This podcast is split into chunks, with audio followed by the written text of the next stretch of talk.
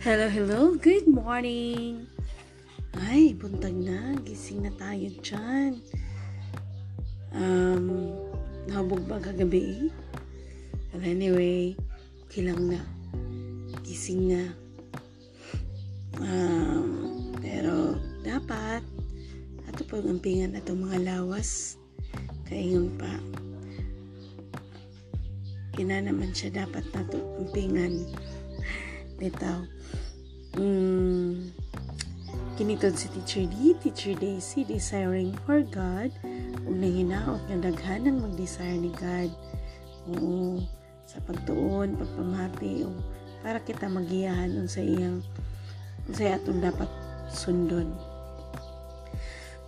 So, atong sundan ang mga pagbasa sa mayong balita sumala sa Ebanghelyo ni San Mateo, Kapitulo 19. Naguluhan kini og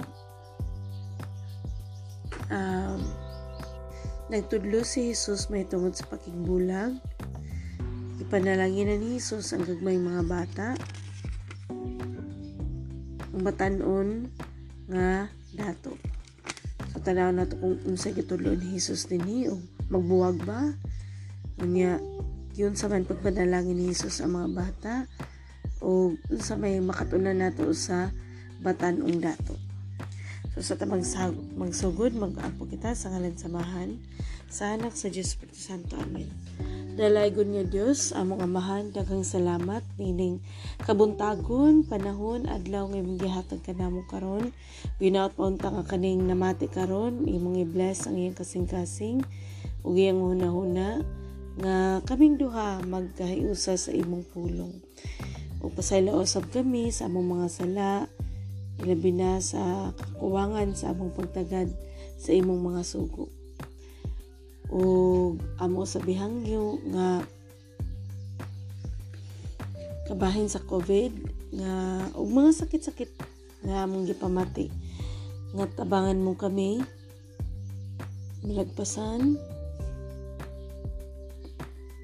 maayo o naami makatunan ni ining among gipamati sa lawas. O ginapanta daghan ang ma negative sa swab test. Pero kung mapositive man mas daghan pa pud unta ang mas mahinang pundihan nimo. Nga kana pagsuway lamang o malampasan nila. Mm, dinhi na lang kutob kini among giampo sa ngalan ni Hesus Kristo among Ginoong maluluwas.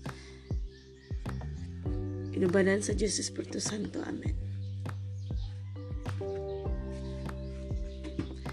Nagtudlo si Jesus may tungod sa pakigbulag versikulo 1 hangtod sa 12 Tapos si Jesus makasulti ni ining mga butanga mibiya siya sa lalawigan sa Galilea ug miadto sa Hudiya tabok sa suba sa Jordan. Misunod kaniya ang daghang mga tao ug dito iyang giayo ang mga masakiton. May pipila ka pariseo nga miduol og misulay pagbitik kaniya pinagi sa pagpangutana. Nagtugot ba ang atong balaod nga ang bana makabulag sa iyang asawa sa bisan unsang hinungdan? Si Jesus mitubag, wala ba kamo mas kabasa niini sa kasulatan nga sa sinugdan ang Dios naghimo kanila nga lalaki ug babaye. Nagingon siya tungod diini ang lalaki mubiya sa iyang amahan ug ang uginahan sa iyang asawa ug silang duha mahimong usa. Busa dili na sila duha kun dili usa lamang. Tungod niini kinahanglan dili bulagon sa tao ang gihiusas sa Dios. Tungod niini dili kinahanglan dili bu, uh, kinahanglan dili bulagon sa tao ang gihiusas sa Dios. Ang mga pareseo nangutana kaniya kung mao ka na, nganong nagtugot man si Moises nga makabulag ang bana sa iyang asawa, human siya musulat og pahibalo sa pakigbulag sa iyang asawa. Si Jesus mitubag, mitugot si Moises kanino sa pagbulag sa inyong asawa, kay gahi man kamog ulo. Apan dili gayud kinima o sa sinugdan. Busa sultihan ko kamo nga bisan bisag kinsa nga mubulag sa iyang asawa nga wala magluib kaniya makapanapaw kung siya magminyog lain. Ang iyang mga tinun-an mingon kaniya, kung mao kini ang mahitabo tali sa banag usawa, maayo pagdili na lang magminyo. Si Jesus mitubag, kining maong pagtulunan dili alang sa tanan, kun dili alang lamang ni atong gihatagan sa Dios niini. Kay may nagkalain-laing katarungan nganong dili makaminyo ang ubang mga tao. May dili gayon makahimo pagminyo tungod kay nataw sila ingon nga yunuko. Ang uban dili makaminyo tungod kay gikap gikapon sila sa mga tao aron mahimong yunuko. Ug ang uban voluntaryo nga dili magminyo aron mas makapangalagad sila sa Dios. Sabta kini kung makasabot ka mo. Gipanalangin na ni Jesus ang gagmayng mga bata. Versikulo 13 hangtod sa 15. May pipila ka tao nga nagdalag mga bata ngadto kang Hesus aron iyang pandungan sa iyang kamot ug ilang ang ilang mga ulo ug nagam, magampo alang kanila. Apan, ikasab-an sa mga tinunan kato mga tawana sa Isus mingon, paduula ka na ko ang mga bata ug ayaw sila pugni kay ang gingharian sa langit ila sa mga tao nga sama kanila. O ang iyang gipandong ang iyang kamot sa ilang mga ulo ug unya nilakaw siya. Ang batanon nga dato. Versikulo 16 hangtod sa 30. Usa ni anak higayon may miduol kang Hesus ug nangutana kaniya. Magtutudloon sa may maayo na akong buhaton aron maangkon nako ang kinabuhing dayon. Si Jesus mitubag nga nang nangutana ka man kanako kunon sa ang maayo. Usaray maayo ang Dios lamang. Tumana ang mga sugo kung buot ka mosulod sa kinab sa kinabuhi. Siya nangutana unsay mga sugo, unsang mga sugo ah? Si Jesus mitubag ayaw pagpatay, ayaw panapaw, ayaw pangawat, ayaw pamakak. Tahura ang imong amahan o ginahan o giguma ang imong isikataw sama sa imong kaugalingon. Ang batanon nito bagituman ko kining tanan. Unsa pa may kinahanglan kong buhaton? Umingon si Jesus kaniya, kung gusto kang mahingpit, lakaw gibaligya ang tanan mong katigayunan. Ihatag ang halin ngadto sa mga kabos o makabaton kag mga bahandi dito sa langit. Unya balik kanhi ug sunod kanako.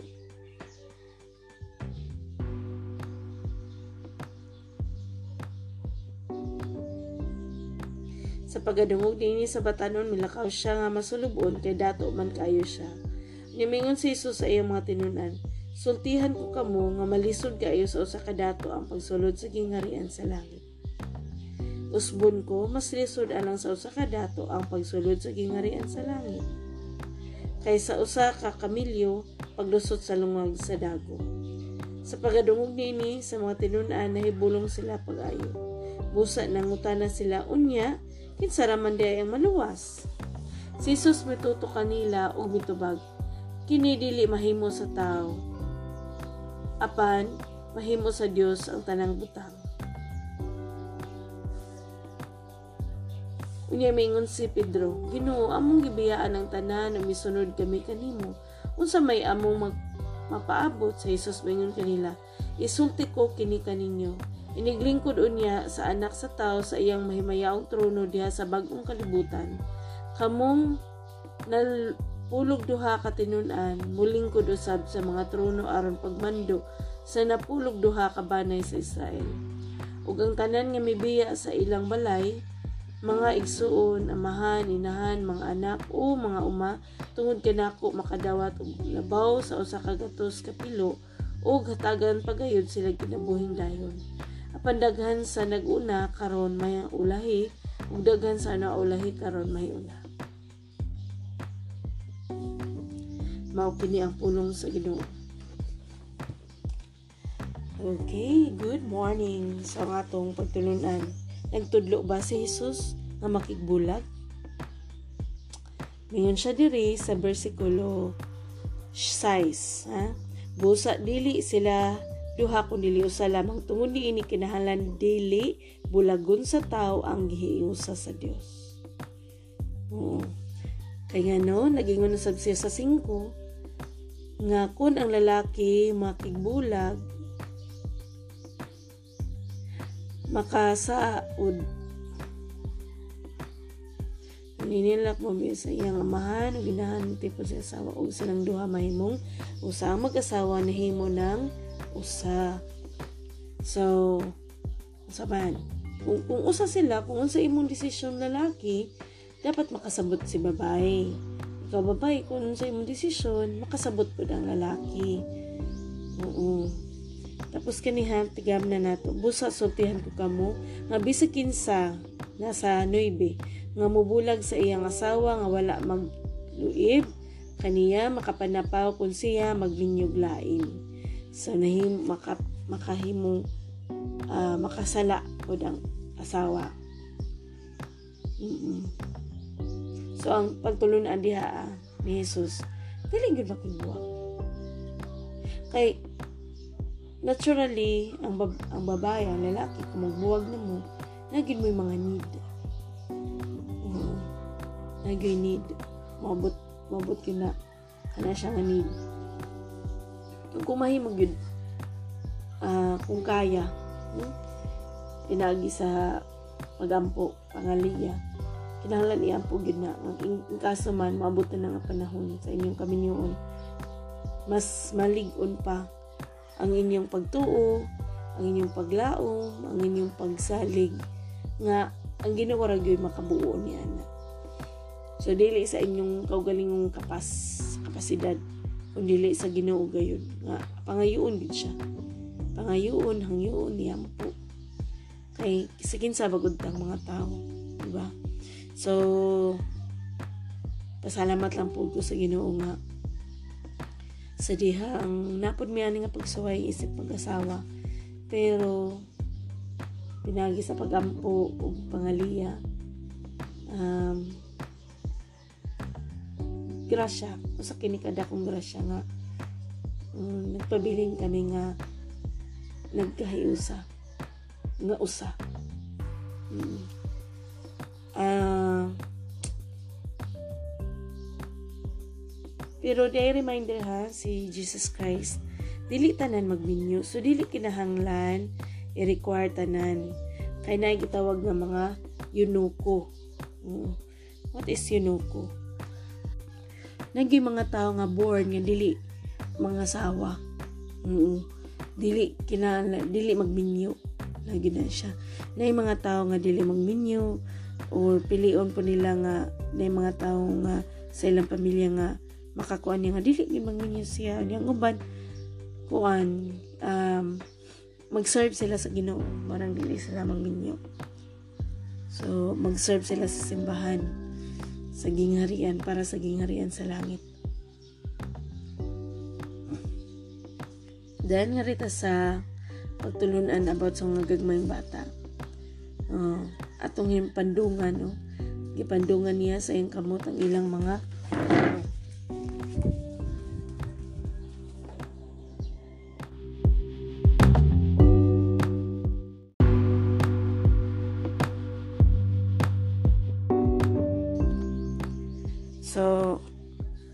ang pagpandong diri sa ulo, usa ka na sa pag-blessing. Kaya labi na, oh, reminder gina paduula, kay ang gingharian sa langit ila sa mga tao nga sama kanila. Sama kanila. Sama sa mga bata. Mga bata nga dili magunahuna sa sala sa tao. Dali ra makapasaylo may pagtahod, may nakamao pa musunod, sugoon yung mga bata, musunod. Diba? Na, may pagtahod. Ugon sa imo istorya, sa nabatian, istorya. So, saingan ni kita, careful tag na bata kay Labi na ang atong istorya kinahanglan mga dagko lang gid may makasabot. Anyway, ngarito sa pagtulunan sa batanon nga dato. So kung gusto ta mahingpit, kinahanglan nato ibaligya ang atong tanan kataguyunan o ihatag kini sa mga kabus o makabaton kitag bahandi dito sa langit nga balik kanhi og sunod kanako Hmm, sunod. So kung gusto tang ma-perfect hingpit Mm. na nagingon man diri sa bersikulo 48 sa kapitulo 5 kinahanglang mangbahingpit kamo ingon nga hingpit ang inyong amahan nga tuwa sa langit nya nga atong reminder karon sa batanong dato no magbahingpit pinaagi sa pagbaligya niya sa iyang katigayunan grabe no nga kanang kuan nga requirement Hmm. Ako lang yung reflection na ani pareha sa akong mga estudyante. Kinahanglan ang imong aim perfect. Kayog magka magka hagbong-hagbong man nga ni o magkaubos-ubos man nga ni sa points, pasok gyapon ta sa pasar. Nga kumingon tag pasar, ang atong rating nga pasar sa Pilipinas is 75%. So, kung kakuha ka na pero ang safe gyud kayo 80% ayo pag aim og 75 igo ka lang makapasar kun dili mungat to sa pasar so para mas klaro gyud ang pagpasar aim gyud tag perfect. Aim aim high. Aim high. Para kung naog-naog man to dito. Pasok gyapon ta sa kung sa mayong kinabuhi maayong kinabuhi. Dili ingon nga pitos kaayo. Yun na siya. Tapos, yung gingon dari, sunod ka na ako. Sunod ni Jesus. Hmm. Kung nabuhat mo ning ayaw pagpatay, wa ka makapatay, wa ka manapaw, wa ka mangawat, wa ka mamakak, yung tawag ka sa imong mga ginikanan, gigugman mo imong isig kataw sama sa imong kugalingon. So, dapat, ang sunod na, so, mura siya, o, yung pa-level, level up level up. O, maabot na nga ng kaana nga punto, so level up. Kanya no, uh, ang ihatag ka na to, may bahandi kita dito sa langit. May katigayunan. Mm-hmm. Manay, si Jesus naman ay nagingon. Di man sa kinsa. So naman diri sa Bible, Diba? Kung imong feel nga kaning Bible, si Hesus Kristo gud ang nagstorya, mahitungod kang Hesus Kristo. Nga kaning mga kanang mga apostoles ni Hesus Kristo mo ay nabuo nila og katong mga ning namati nila mo ni ilang nahimo no nya plus ang nahimo sa mga nahimo gi himuan og binisaya nga version para mas dali natong intindihan tapos dira ha kaduha gyud gibalik-balik ni Hesus Kristo. Sultihan ko kamo nga malisod kaayo sa usa ka dato ang pagsulod sa gingarian. Usbon ko mas lisod alang sa usa ka dato ang pagsulod sa gingarian sa Dios kaysa usa ka kamilyo sa paglusot sa gingarian. Might as well, my dear brothers and sisters, nga di lang kita magdato sakto lang. Sakto lang good. Makahatag ta. Sakto lang ang makahatag ta sa itong mga kaigsuunan, sa ilang pahinahanglan, sakto nga naka kinabuhi kita, nga hinahinay. Pero kung gusto kag bahandi, um, naman diri mga man si Jesus Christ ang bahandi dito sa langit. Aw, yun pa ikaw. Mano makapangutana, usa pareho ni Pedro nakapangutana, niya kinsa raman di ay maluwas. Oo, ang tubag sa Hesus Kristo, si Jesus mituto kanila og mitubag kini dili mahimo sa tao apan mahimo sa Dios ang tanang butang. So kinsa may magbuot ang Dios. Kinsa man ang Dios? Ang Amahan ang magbubuhat. The Creator, ang labing gamhanan. Siya rin magbuhat. Sige, samanta mo question, pananglitan. Kung ako nagpa, uh, nagpatrabaho ko, unya, ang akong ang akong sweldo pareho mo tanan or katong katapusan ako isweldo niya mas dako pa sa uban kinsa may magbuot diba ang magbuot niya na nagpasweldo so kung ang Ginoo nato mao ang Ginoo ang Dios nato siya man ang nagmugna siya may nakasabot. Kay Bob ito siya sa atong una-una ug kasing-kasing. So kaila siya kung maluwas ba ta sa atong kita or itugutan ba ta nga maapil sa iyang panon uh, sa iyang puyo nga mahinangpon sa gingharian sa langit o nagpuyo na bata nga kuan kay kuan siya mura siya og si God na mismo. Kung nakabati ka karon but pasabot kitugutan na ni God nga mautro pa ang kinabuhi na masakop ka sa iyang gingharian.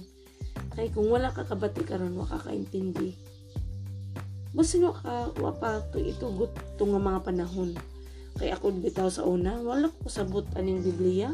Dili ko magbasa sa Biblia. Pero uh, hingabot sa punto sa akong kinabuhi ang kalis, kalisod uh, so mingon po ko sa akong kaugalingon nato I talk to God nga kung may chance, may time, magbasa ko sa Biblia. Nya ahong na-reflect kaning COVID kay na naman ko taas nga time labi niya tong di ba nag GCQ nga di ta pwede manggawas. Ito nagbasa ko sa Bible. Yan hapon to'y gipada si God nga ahong kaila, ahong amigo. Nga, bisan sa kalayo, giniyag biging, gikan siya sa layong lugar, muli nga nito siya, Ngarig dito siya, magbasa mag Bible. Nga, lagi, lagi purpose ang ginoo nga no. Nganong kinahanglan magbasa, nganong kinahanglan ta makaton, nganong kinahanglan mamati. Oo. Ingon pa sa Mateo 4 versikulo 4 ang tao dili mabuhi sa panlamang kundi sa pulong sa Ginoo. Niya ang pulong sa Ginoo kay naman dili sa Biblia, dili man ta makabati ani nga pulong sa Ginoo kun dili nato basahon. So, kung hingabot man sa punto nga nasyaran ka, nakabati ka karon, namati ka, so gitugot na sa Ginoo nga mamati ka. Nga ikaw po, imo kung gitugutan, kay ikaw man mismo mo ay mangita. Oo. So, ang mga tao nga nasa imong palibot, pwede nga mahimong uh, giya, nimo, mahimong rason, nga nung nagbasa ka, nga nung nagtuon ka, nga nung imo ning gisunod, kay dili siya basta-basta ngayon. So ako ako'y kapasidad no nga ako ning ikuan dili ko pa by the authority of the Holy Spirit siguro nga kuan I just love sharing it and I I really find it a blessing sharing it. Nga ako ma-share sa uban nga kuan nay makaton palain makamao pa unsay buti pasabot ni ani. Nya good ba ya nga mag-reminded ta sa unsay atong pagpuyo nga dinhi sa kalibutan kay kaning kahayag? Yung pa na atay 24 oras no? Sa tibuok adlaw natay posibilidad 12 ka oras from 6 5 o'clock to hmm, 12 or 13 hours nga hayag. So, mora na nga hours ang or 14 hours maron depende sa panahon. So, na ibang panahon nga 11 hours, 12 hours lang nga hayag. So, may time nga ngit-ngit. So, kinahalan kani nga kahayag atong gamitan og hupot. Gunita nato siya. Liguno nato atong pagtuo. Nya, ang pagtuwa tong ligunon dili sa makiglantugi ta sa ubang mga kuan dili makatabang nato ang pakiglantugi nini so magbasa ta nya ato lang i-reflect sa atong kasing-kasing unsa um, so pwede nato modanita sa uban para kita pod mahimong fruitful Diba? Mahimutang maayong yuta. Kay kinahanglan man ta na uban maka makahatag og makabunga ta og mga bisan pila lang. Nga ikaw mahimong mababungahon pod or ako baron or unsa bay pamaagi ani sa Ginoo kung iyang itugot. So depende niya.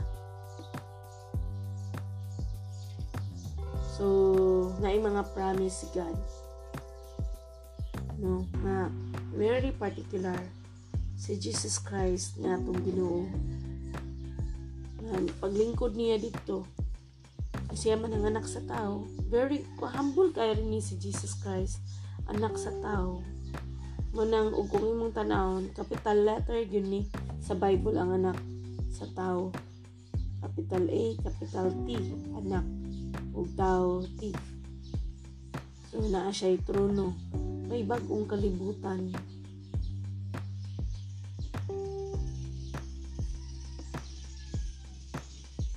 so ini ka uh, sa bagong kalibutan. No? Tronos karon to pa siya sa tuo sa amahan. Hmm. so wa pa ta moabot niya nga part. Asa nga nga naglingkod ay katong kuan later part pa day na sa ascension na nato mabasahan. Oo. Uh, makitaan kay na ay nakakitaan ng apostoles. Inay apostoles na hingadto sa langit ipakita through vision. So dinhi na lang kita kutob so atong ligunon kina i-promise si Jesus Christ ikaw balaman ang Ginoo mismo mo mo promise kitang tao promisan pwede pa tang mo. Ang upang tao nga maayo hingpit ma, matinud-anon sa ilang mga promise mutuman gyud na siya niya kaya nga itong Ginoo kalabaw paman sa kamatinud-anon unsa ka matinud-anon ng iyang promise usa mo pud na kapatinud-anon ng iyang punishment. Niya ginahan ta ma-punished. Kita nga ni punishment lang din sa kalibutan ni nga ni kaganahan mo reklamo na nga ta how much more ang punishment ni God? Diba? dapat na to nang ikahadlo ang punishment ni God so dili ko ang desire na to para makamauta ma-reminded ta uh, makatuman ta sa iyang mga sugo. Para hinay-hinay unsay itugot sa Ginoo para sa atong kinabuhi. So dinhi na lang kita kutob kini si Teacher D. Teacher Daisy Desiring for God. O usa ta maghuman magampo kita amahan na muna ka sa langit. Pagdayon mo ngalan mabuti ng harian. Matuman mo po tinisayo tamay sa langit. Ang kalanan namo sa matag adlaw hatag ka namo karawlawa. O pasaylo kami sa mga sala. Ingon nga pasaylo kami sa nakasala ka namo o dili mo kami tugyan sa mga panalay. Hinino alawa sa kami sa mga dautan namin. Himaya ka Maria Napuno ka sa grasyang Ginong Diyos mo na kanimo Blari ka sa mabay tanan Bulan mo sa bubungas siya mga sa Jesus Santa Maria inan ka sa Diyos Gapong kami mo kasasala Karon nagsauro sa mga kamatayan Himaya samahan sa anak sa Diyos Espiritu Santo may sa silog ng sa gihapon sa mga tuwing mo rin tapusan ng tanan namin. Sa samahan sa anak sa Diyos Espiritu Santo. Amen. Thank you and bye-bye. God bless. Have an awesome day. Thank God. And I thank you for listening. Bye bye.